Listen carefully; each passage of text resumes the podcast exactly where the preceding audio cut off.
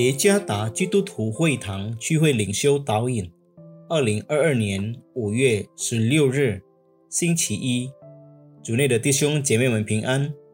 今天的领袖导引，我们要借着圣经出埃及记二十章十九节来思想今天的主题：圣洁的上帝。作者张礼物牧师。出埃及记二十章十九节。对摩西说：“求你和我们说话，我们必听；不要神和我们说话，恐怕我们死亡。”当我研究古代以色列的崇拜时，我的脑海里想象着上帝是多么圣洁的，使他的子民如此的尊敬他。如果他们不服从，他们就会死。这听起来很残忍。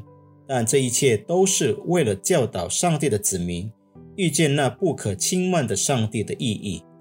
我突然想起，有些教会崇拜的气氛，人们可以在崇拜时自由聊天、接电话，甚至可以在社交媒体账户上更新朋友圈。上帝好像没有被尊敬。当上帝降临时，以色列民都惧怕。不敢靠近，他们怕受到上帝的愤怒。如果上帝知道他们犯罪，他们必定灭亡。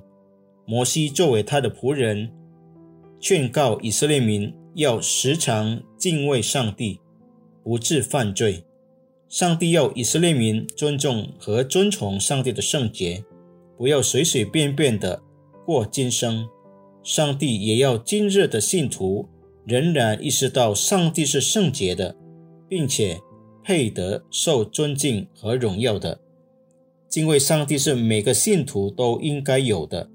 要牢牢记住，上帝是圣洁的，所以我们在敬拜时，我们也要有一个好的敬拜态度。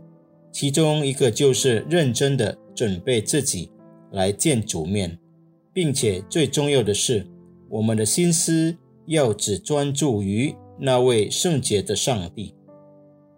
当来到上帝的殿时，献给良好的态度，因为他是圣洁的上帝。